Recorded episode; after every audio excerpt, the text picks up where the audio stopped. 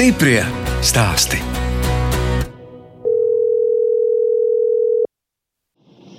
Halo! Es vēl stūrēju, bet es tūlīt apstāšos, lai varētu normāli dzirdēt. Ja? Es ceru, ka tagad ir labāk.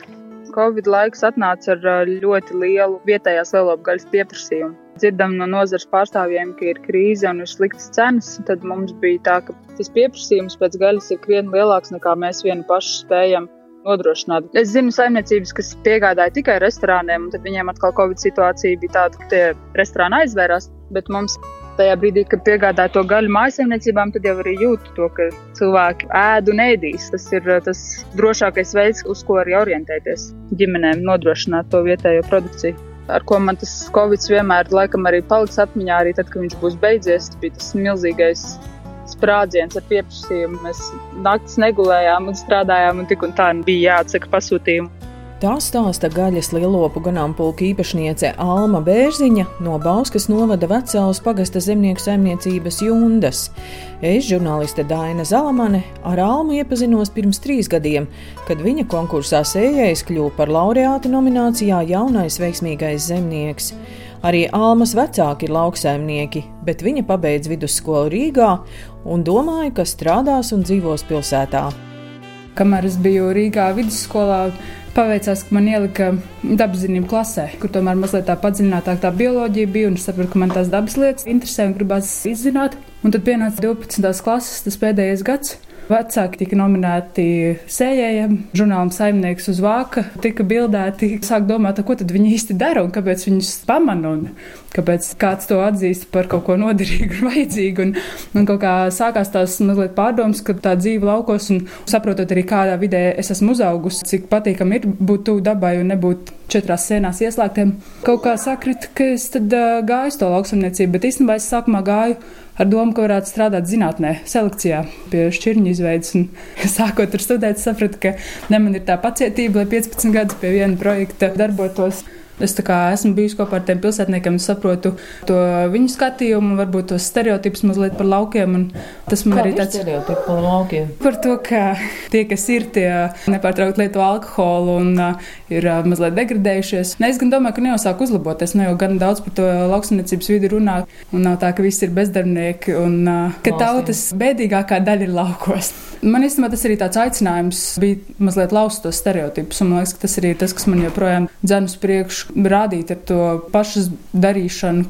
Alma Bērziņa jau studiju gados sāka strādāt Šveices uzņēmumā, kas eksportēja gaļas lielopus, bet kopā ar vīru Sauli Vecāls pagastā viņa izveidoja gaļas lielopu ganāmpulku ar 80 dzīvniekiem. Milda ir mūsu pirmais piedzimušais ceļš, pirmā telīte. Nāca kā pārsteigums, nezinājām, ka tā tev vispār grūsna un ka būs atnešanās, bet tikām galā. Būlim vārds ir vai nu dezerts, tā kā tūkstnesis, vai arī deserts. Mēs vēl neesam izlēmuši. Lietuviski ir desertas. Un kas tā ir par šķirni? Tas ir arī eh, aubraks. Gaišs ar tādu tumšu ēnojumu un tādu sprogainu galviņu. Bet ir kādam vēl Latvijā aubraki? Tas ir tāds retums, jā. Ja? Ir kaut kādās vēl 3-4 saimniecībās, bet Lietuvā tā ir top 3 noteikti tieši pie gaļas ražošanas un nobrošanas. Un mēs tā kā redzot, ka lietuvieši zina, ko viņi dara, lielo gaļu ražojot, mēs ņemam piemēru. Meitenes mēs nopirkām no Igaunijas. Un tad mums te visas trīs Baltijas valstis satiekās.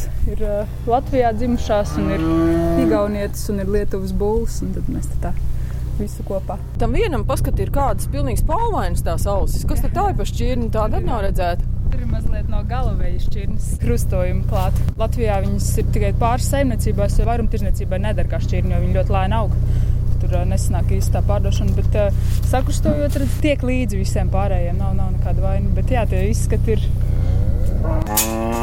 Šī nozara vispār Latvijā ir ļoti interesanta, jo latvieši visi laiž projām eksportā tos mazos teļus. Ātrāk nauda nāk. Nu, jā, ātrāk tas viss grozās, bet man kaut kā gribējās, lai tas arī ir. Ja Polija, Turcija un visas šīs valsts pērk tos teļus, tad mēs arī pērkam no saimniecībām un nogādājam uz savu novietni, pabarojam to pusgadu vai gadu un uh, pārdodam jau gaļas tirgumu. Tas ganāmpulks ir tāds raibrais, jo nāk no dažādām saimniecībām, nāk arī dažādas kvalitātes, un ir interesanti vērot, un pētīt un mācīties, kā to visu pareizi darīt un ekonomiski izdevīgi darīt. Bet Nu, ir skaidrs, ka mēs tā kā noteikti gribam palikt pie tā, lai ir tas bariņš raibs, bet vēl nes, lai viņi tiek baroti, gana labi baroti, lai viņi aug, svarā pieņemās un beigās tas gaļas produkts arī izveidojas. Alma pa telefonu stāsta, ka šobrīd gaļas lielopu ganāmpulkā ir 80 dzīvnieki. Toreiz, kad mēs tikāmies, tad mums bija vēl zīdītāja govs, un tagad mums ir tikai teļu.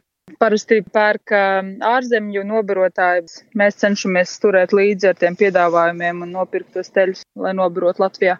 Vietējiem gaļādājiem ir tā vietējā gaļa uz galda. Tas gandrījums no tā gala rezultāta ir lielāks nekā pārdot eksportam tos dzīvniekus. Mēs pērkam no dažādām Latvijas saimniecībām tos dzīvniekus, dažās ir, piemēram, tīršķirnes Herefordi vai tīršķirnes Angusi, dažās ir krustojumi ar dažādām šķirnēm, un šī varbūt ir tāda problēma Latvijas nobarotājiem, ka mums ir grūti konkurēt cenā, tā kā mēs tos teļus pērkam, ar kādiem Eiropas pircējiem, piemēram, turkiem, kuriem ir subsidēta tā teļu iegāde. Nu, viņiem valsts maksā par to, lai tos teļus pirktu. Tik, cik mēs varam atļauties samaksāt par to teļu, tik mēs varam. Mēs pērkam to, ko mums piedāvā, un tas nevienmēr ir vienāds tur krāsās un vecumos un tā tālāk, kā gribētos. Pamatā jau ir uh, vīrs, kas to ikdienas darbu dara. Nu, reizēm, ja mēs gribam kaut kur izbraukt, tad mums pieslēdzās kāda palīga, bet uh, pamatdarbus izdara vīrs, un, tad, protams, vasarā mums pievienojās vecāku saimniecības darba spēks, lai lobarību varētu sagatavot. Lielais pieprasījums pandēmijas laikā pēc Latvijā audzētas lielopu gaļas bija stimuls aprīļa vidū nodibināt kooperatīvu Latvijas lielops. Tajā apvienojušies 11 zemnieki no visas Latvijas. Brūzilu lielops, neganti gardi puiši, brāļi vīganti, zemnieku saimniecība Miglas, zemnieku saimniecība Atēnas, tad ir uh, alūksnes pusē Liepiņas DD, Aldis no Valmieras ar Sijālī Zagro. Ir gan jaunieši, ir gan sirmgalvi, bet tas, kas vieno laikam ir tas redzējums, ka Piemēram, attīstītās Eiropas valstīs, nu neviena saimniecība nestrādā viena pati, ka tie ir kooperatīvi un ka tomēr gribētos tiekties uz to Eiropas līmeni. Lai būtu tā, ka mēs kā saimnieki strādājam pie tā, lai saražotos tā gaļa maksimāli kvalitatīvi un labi, un tad ir atsevišķa struktūra vienība, kas nodarbojās ar gaļas jau tirzniecību un nodošanu tālāk patērētājiem. Mēs visi esam secinājuši, ka būtu labi, ja ir kaut kāds lielāks jumts, kas rūpējās par to, lai tā mūsu saražotā produkcija tiktu piegādāt vietējiem patērētājiem. Es domāju, ka tomēr galvenais iemesls, kas mūs saveda kopā un kas mums iedeva to dzinuli un sajūtu, ka tas ir jāizdara, ir, ka tā ņemšanās katram savā pagalmā ar saviem apjomiem ir ļoti laikietilpīga un nogurdinoša. Un, tā prasa, ir reāli atsevišķa struktūra, tā visa gaļas tirdzniecība, un tur ir vajadzīgs atsevišķs darbinieks, un ar saviem apjomiem mēs katrs nevaram nodrošināt atsevišķu darbinieku, ko uzturēt, lai par to rūpējās. Un tad saimnieki paši ar to cīnās. Tā kā mēs saliekamies kopā, tad jau mēs varam nodrošināt kopīgi to vienu cilvēku, kas tirgo un menedžē to visu. Protams, ir grūti 11 viedokļus kaut kā salikt kopā, lai sanāk kopīgs gala rezultāts no tā visa, bet um, ceram uz skaistāku nākotni. Kamēr mēs bijām pa vienai saimniecībai, piedāvājām kaut ko, tad mēs nevarējām startēt īsti restorānu, nu, Horekas tajā tīklā, tāpēc, ka tur vajag katru nedēļu un liels apjoms ar piegādēm. Un katra saimniecība vienai to nevar nodrošināt, un tad mēs kopīgi to apjomu lasot kopā, ka mēs varētu arī pamazēm iestartēt horekas sektorā, bet arī paturēt to, ka mājasemniecībām arī piegādājam. Ir tā ķēdīte, tā, kad ir tas dzīvais lops, un tā, ka viņš jau ir iepakots vakuuma iepakojumā kā gaļa, tajā ķēdītē jau ir iesaistīti ļoti daudzi uzņēmumi parasti, un tajā vairumtirdzniecībā. Un tad mums tā doma ir tāda, ka mēs kā kooperatīvs rūpējamies par to, lai iznāk no tās ķēdītes ārā atsevišķas sadaļas, kuras parasti arī iekasē nu, kaut kādu komisiju par darbu. Nu, protams, katrs uzņēmums kaut ko vēlas pelnīt. Un ka mēs rūpējamies par to, lai mēs kā īpašnieki tam kooperatīvam nodrošinām savus dzīvniekus, lai kooperatīvs jau nogādātu gala tam patērētājiem. Tādā veidā tā cena mums kā saimniekiem tad arī sanāk lielāka nekā vairumtirdzniecībā tas ir iespējams. Man personīgi ir tā pārliecība, ka tā, ka mēs esam secinājuši katrs savā sētā, ka mēs varam saražot kvalitīvu produktu, tas nākamais attīstības solis ir sākt to darīt kopā, jo tikai kopīgi palielinot tos apjomus un pārklājot visu Latvijas teritoriju ar to piedāvājumu ir tas veids, kā tā attīstība virzās uz to pusi. Man tas jau īstenībā vairākus gadus likās pašsaprotami, ka līdz tam ir jānonāk, bet par cik tā kooperēšanās mūsu nozarē ir bijusi līdz šim tāda sāpīga pieredze, tad pagāja kāds laiks, kamēr sagaidīju arī citus, kas nonāk līdz, līdz šim secinājumam, un nu, beidzot tas ir noticis. Cerams, ka tas mūsu kooperatīvs tad ies uz to, lai strādātu pie atbalsta veidošanas arī nobarotājiem un visiem tiem izmēģinājumiem, ko mēs katrs savā sētās mēģinam izveidot, iegūstot to pieredzi no kādām Eiropas saimniecībām un nobirošanas stacijām. Alma un viņas vīrs Salvis saimniecībā izmēģina arī citas nozeres. Pirms trīs gadiem viņi turēja vistas. Mums bija doma, ka mēs atbrīvosimies no vistām uz kādu laiku, bet tad mums draugi ziemā piespēlēja savas, un tad mums tādas mazas bariņš ir, bet uh, mums noteikti viņas būs atkal arī vairāk, bet uh, mums ir jāizdomā mazliet sistēma, kā mēs viņus ganam, jo īsti negribās, lai viņas staigā pa pilnīgi visu pagalmu, lai nebūtu tā, ka vistu mēsli ir uh, zem katra soļa. Atkal atsāksim noteikti arī to. Kaut kādu laiku mums bija arī ruši īsti nepatīk tajos būros dzīvo dzīvnieki, bet uh, ganīt viņas brīvā veidā ir baigi sarežģīti. Un ir visādas lietas, ko mēs pamēģinām. Ja ir, tad mēs mēģinām vispirms izdomāt to sistēmu, kā to darīt, lai būtu visiem patīkami, gan dzīvniekiem, gan mums. Un tad mēs visu laiku esam tādos procesos, pēc gada atkal būs savādāk, un mums varbūt būs 300 vistas. Gaļas elopa ir tas pamats, un tad tādas visādas mazās papildus lietas varētu sekot. Pirms trīs gadiem bērziņu ģimenē auga meita Matilda Grieta, Tagad meitai ir arī mazais brālis. Daļēji gan vecstāvam par godu, daļēji arī, nu, var sakot, kad spriedām, tad likās, ka visi jēkabi, ko zinām, ir tādi braši vīri, tad eh, mums ir jēkabs. Matildai šovasar būs četri gadi, un jēkabam tūlīt mājā paliek divi gadi. Galvenais jau sagaidīt to stadiju, ka paši staigā, un tad nav tā sajūta, ka atpūta ir nogurdinoša, ka jānesā uz rokām visu laiku bērni. Tagad, ka paši staigā, tad jau sanāk tīri feini. Protams, arī mani vecāki, vīri vecāki ir jau, ka iesaistās, un viņi vienmēr priecājās, ja mēs viņus iesaistam, bet tādā ikdienā visvairāk jau mums auklīti palīdz. Spēlējās ar bērniem, kamēr mums darba laiks. Tādā ziņā mums ļoti paveicās, ka vispār varējām laukos atrast jaunu dāmu, kas mums palīdz. Mēs ļoti, ļoti daudz strādājam, un tad, ja izpaliek tie atvaļinājumi, izpaliek tās izbraukšanas, tad ir palicis tikai un vienīgi darbs, un tad reizēm tāda sajūta, ka esam iestrēguši vienā lielā ritenī un tikai veļamies uz priekšu, bet noteikti ir jāatrod laiks atpūtai. Un tad, kad nav iespēja izceļot no valsts, tad ir grūtāk sevi nomenedžēt tai atpūtai. Bet, nu, atkal labā ziņa ir, ka sanāk mazliet vairāk Latviju redzēt. Tagad es arī plānoju sev nelielu braucienu ar velospēdu nedēļas garumā, pavērot Latgali, jo agrāk mēs būtu iztērējuši tos līdzekļus tur ārzemēs, tad tagad mēs, nu, viena lieta mēs paremontējām māju, un otrs, ka mēs varam vietējos skaistumu novērtēt.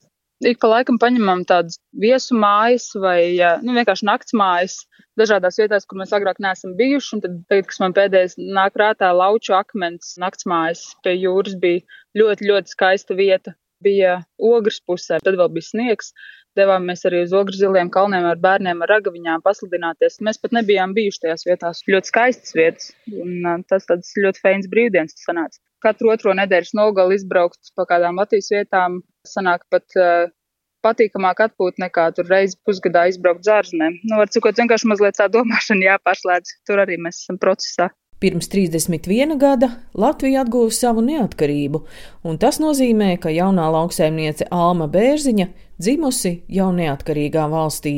Nu, ja citi pārdzīvo par to, ka Latvijai ir vairāk kā simts gadi un ka tur nav kaut kādas lietas sakārtotas, tad realitāte jau ir tāda, ka ir mais un ir tie 30 gadi un ka patiesībā mēs esam pavisam jauna valsts, kurai ir, protams, ka ļoti daudz ko kārtot un sakārtot, bet uh, man tas ir tāds vairāk atgādinājums, cik mēs esam zaļi zināšanā par to, kādu mēs vispār gribam to savu valsti.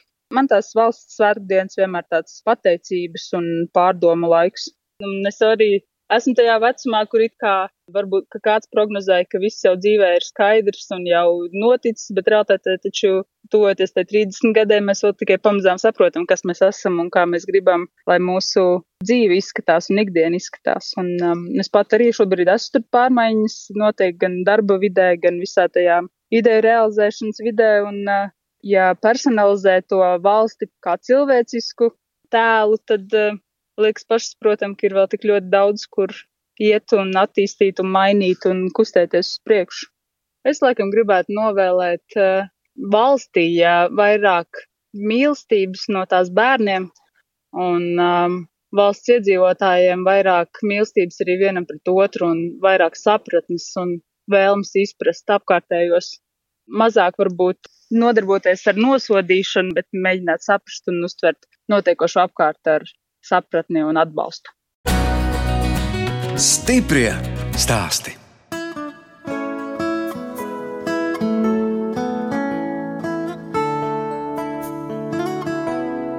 Jūs klausāties raidījumu stipri stāsti. Raidījuma turpinājumā sazināšos ar Valdi Markevicu no Saldus novada Zvārdes pagasta vārpām. Valdis ir saimnieks, kas senču zemi bijušajā padomju armijas poligonā Zvārdē atguva 90. gadu sākumā pēc Latvijas neatkarības atgūšanas. Desmit gadus valdis ar sievu un diviem dēliem nodzīvoja vagoniņā bez elektrības un paši uzcēla gan māju, gan aitu fermu. Tagad viņš to laiku atceras ar vārdiem: biju jauns un traks. Jā, labdien, Daina. Es arī labi dzirdu.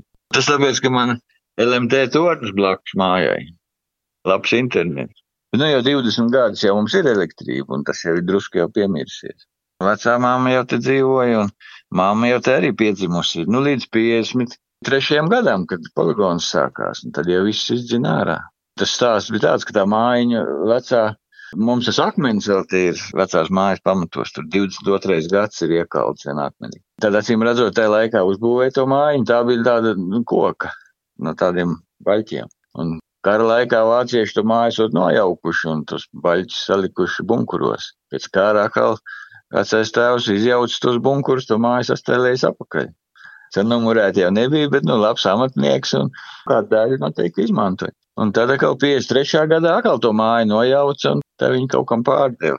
Un tad, kad sākās poligons, ka visiem bija jāiet prom. Kaut kāds senču aicinājums jau noteikti bija, kas mūs atvilka. Toreiz spēks abi daudz, un toreiz jau varēja mierīgi kaut kur strādāt un, un dzīvot mierīgi saldo, jā. Tad jau bija krietni jaunāks, un jaunības tajā trakumā jau likās viss kārtībā. Bet iesākām šitā, un tagad jau labi vien ir, un dēliem arī patīk dēli nekur nav aizbraukuši prom kā daudz šobrīd. Tas nozīmē, ka ir bijis pareizais lēmums. Es domāju, ka tā arī bija liela dieva dāvana, ka mums izdevās bez lielas asins izliešanas izsprukt no Krievu jūga. Toreiz īstajā brīdī mēs to paspējām izdarīt, un par to ir liels prieks. Un ja tas nebūtu noticis, tad jau mēs te nevarētu saimniekot, jo te būtu Krievu poligons, tā kā bija 40 gadus. Un jāsaka, paldies Dievam, ka viss ir tā tik labi sakārtojies. Pirmajā laikā pēc padomi tās sistēmas nomaiņas, tā kā atguva īpašumus un zemes, tad jau tie entuziasti bija diezgan daudz un vagoniņi jau bija pulku vietās, jo daudziem jau likās, ka tur ar dažiem hektāriem varēs tīri labi iztikt. Toreiz jau arī īsti neapiedz, cik daudz darba tas prasa un cik daudz grūtības ir dzīvojot laukos. Bet, nu, tad tie vagoniņi arī vien, vien retāk. Daudz, kas saprat visu to garozu, tai maizītē, tie jau atmeta roku. Mums jau bija vagoniņš un uh, divi mazi bērni. Sieva teica, ka, nu, ja mēs te gribam saimniekot, tad ir kāda mājiņa jāuzbūvē. Un tad es pasteidzos uzbūvēt šo māju, ko mēs tagad dzīvojam. Mēs te tā iesakņojāmies Un labi vien ir. Tagad jau, piemēram, pilsētā ir daudz grūtāk dzīvot, kopš tā pandēmija sākusies jau sevišķi, kas mums nekaiš laukos. Tagad ar šito prātu, kas tagad man ir, ir jābūt galīgi trakam, lai sāktu te saimniekot mežu vidū, kur eh, nav ne ceļi, ne elektrība, un kur nav arī cerība, ka kādreiz būs tā elektrība. Jo toreiz jau man daudz teica, un kas tev trakajam tur vienā pašā mežā vilks eh, elektrību, jo tuvākā vieta jau desmit kilometri bija no mums. Bet tā bija tā kā dieva dāvana, izvilkt cauri zvārdē augstsprieguma līniju, un pat cik mēs vienīgie te pastāvīgie iedzīvotāji, tad arī mums pavelti pieslēdza. Pie Valda Markevica un viņa sievas Ļubas ciemojos pirms deviņiem gadiem. Tad Valdi stāstīja, kāpēc sāk audzēt aitas. Mēs sapratām, ka labības ēte nav prātīgi. Tad mēs sākām govi turēt. Ar to govu arī bija grūti, jo tomēr meži un krūmi Dunduri. Dunduri, odi. Govī tas bija moks, un mums arī īstenībā. Jo ārā laist nevarēja pa dienu. Visa zāle bija kaut ko jāpļauj, uz muguras jānes un jādod. To mēs izmocījāmies kādus dažus gadus. Un tad sapratām, ka govē arī jāmet miers. Un tad ienāca prātā ideja pāritām. Un tā tiešām prātīga doma, jo šeit zvārdē aici tā kā kulaks uz acis pats piemērotākais. Kā jūs to visu finansiāli varētu pārdzīvot? Nu, ja jums vajadzēja māju būvēt, kas taču prasa daudz līdzekļus, ja jums ar to biznesu ar tā nepārāk gāja, kā jūs tikāt galā? Tikai mēs zaļējām mežu un pārdevām. Nu, cik nu bija tā cena toreiz tik bija? Un mežs jau nav, nav jau nekāds nopietnais, nekādas eglis vai priedes, jo nav tikai augšņi, tie aizaugušie lauki. Bet uh, to zaļēju, malku pārdevām un Nevienam nekas nebija jāmaksā, paši visu darījām. Valda sieva Ļuba pēc tautības ir ukrainiete. Viņa Ļuvovā pabeigusi tehnikumu un pirms 28 gadiem atbraukusi uz Latviju ciemos pie draudzenes, lai redzētu jūru, bet saldū viņa satikusi savu nākamo vīru Valdi. Ļuba, kā jūs izturējāt tos desmit gadus? Tu lai valde sāk. Nē, ļu... pirmkārt, jābūt lielai mīlestībai. Toreiz paši bijām visi jaunāki. Tomēr 20 gadi jau gandrīz mēs esam. Tad jau mums tik bija ap 30, ka mēs tādā nācām. No pašos spēka gados. Jā. Tad kaut kā nemaz nedomāju. Likās, tas ir pilnīgi pašsaprotami, ka tā jābūt. Hilti bija. Sākumā tas ūdens nebija, akatas nebija. Tad ūdeni mēs vadījām no saldus kannās, bet ļoti izturīgi godam. Es domāju, ka latviešu sievietes daudzas varbūt tās, ka būtu padevušās. Tagad, kad jēra dzimst, tas ir ziemas mēnesis, tas ir janvārs, februāris. Ik pa divām stundām viņi naktī ceļās un iet uz stāli, skatīties, vai nav tie ēriņi piedzimuši. Tā maitām jau tas augstums neskādē, bet jēriņiem viņi slapi, un ja viņus uzreiz nenoberž ar lupatu, tad viņi var sasalt. Bija tā, ka astīt jau tagad drāts jau ir sasalusi. Tad ļuba viņus riktīgi saberž un pieliek pie pupa no aitai. Ik pa pāris. Bet to dara tikai sieva, jūs nē. Nē, viņi man žēlo un negrib man modināt naktī. Aitu kūts celtniecībā, kas būvēta vairākās kārtās, palīdzējuši abi dēli. Sākumā mēs uzcēlām redz to, kas vidū ir tā ēka ar to stāvāko jumtu. To uzcēla pirmo, tad tas aitas sadzima vairāk, tad ar umpa maz bija. Piebūvējām vienu pusi klāt. Tas aitas atkal sadzima, un tad mēs piebūvējām otru pusi klāt. Tā. Mans projekts un, man, un mans izpildījums. Jā.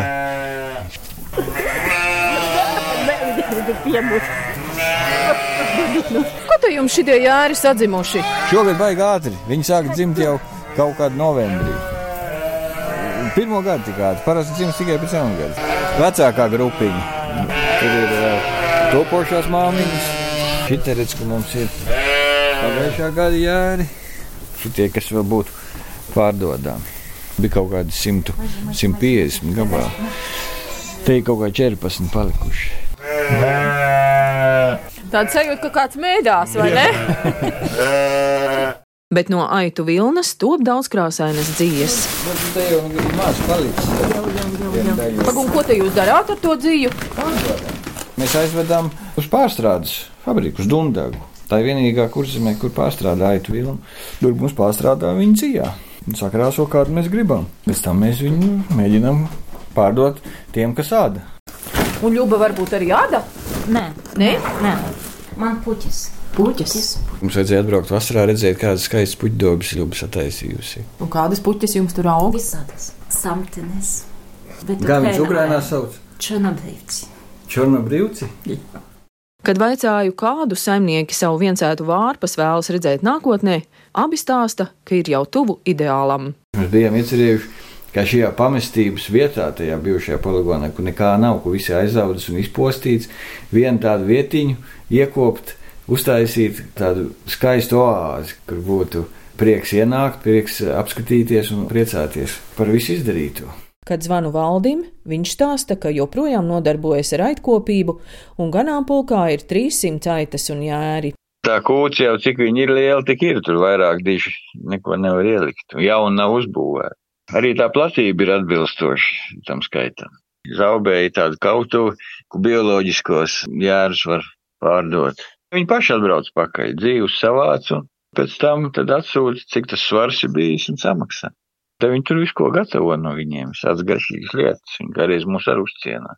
Tad, kad vecās aitiņas jābrāķē, tad jau kādu daļu paturam sev jaunās. Bet, kad nevajag, tad viss dodam prom.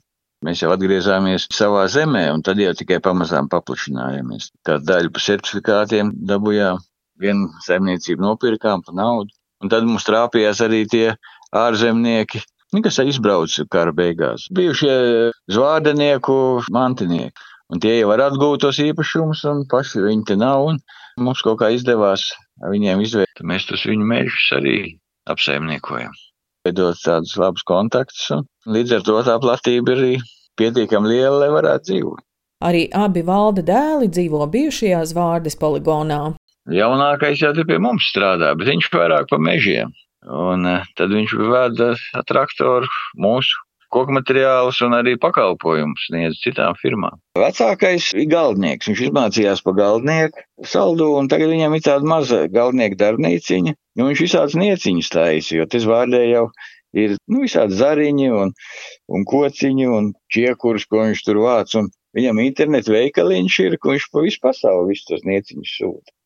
Tā ir visādas tādas dēlīšas, viņam ir labi ierīces, ko var visādas gravējumus izveidot, un pietiekami labi iet tā lieta, un var nopelnīt, var savu ģimeni uzturēt. Viņam jau kuplu ģimeni, viņa sieva ir un, un četri bērniņi. Visi izvārdinieki, visi dzīvo šeit.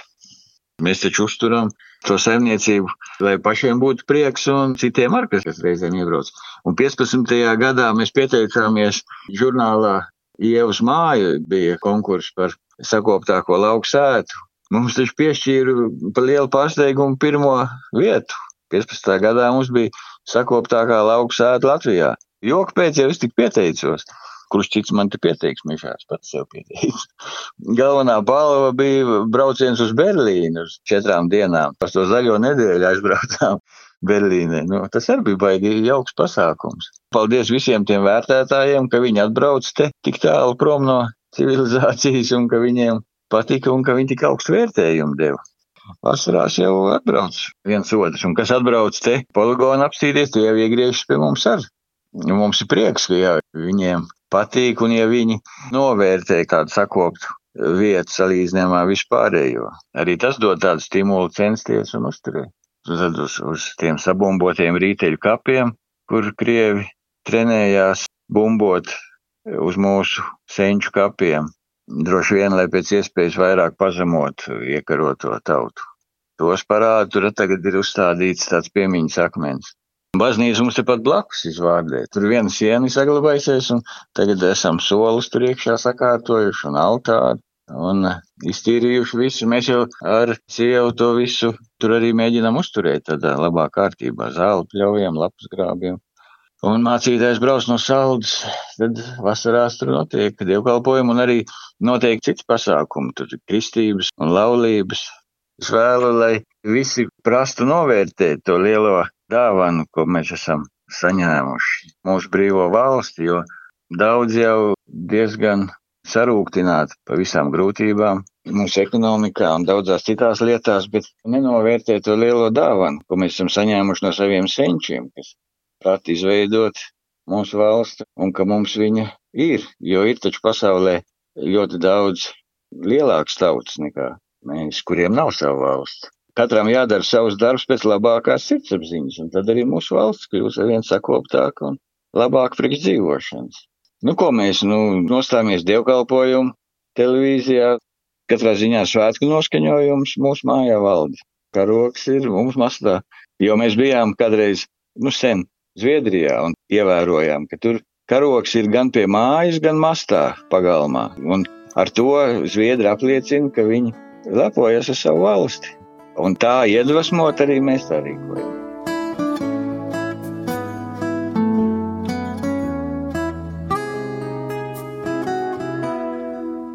Redījums stipri stāsti izskan. Šoreiz sazinājos ar Valdi Markevicu no Saldus novada Zvārdes pagasta, kas senču zemi bijušajā padomju armijas poligonā atguva pēc Latvijas neatkarības atgūšanas un desmit gadus dzīvoja vagoniņā bez elektrības. Pirms sešiem gadiem Zvārdes pagasta vārpas atzina par skaistāko lauku saimniecību Latvijā bet konkursa sējais laureāta nominācijā jaunais veiksmīgais zemnieks Alma Bērziņa no Bauskas novada vecālas pagasta, kas dzimusi pēc Latvijas neatkarības atjaunošanas, audzēja gaļas lielopus un aprīlī kopā ar citiem zemniekiem izveidoja kooperatīvu Latvijas lielops. No jums atvedāja žurnāliste Daina Zalamane un operātore Inga Bēdele. Uz tikšanos!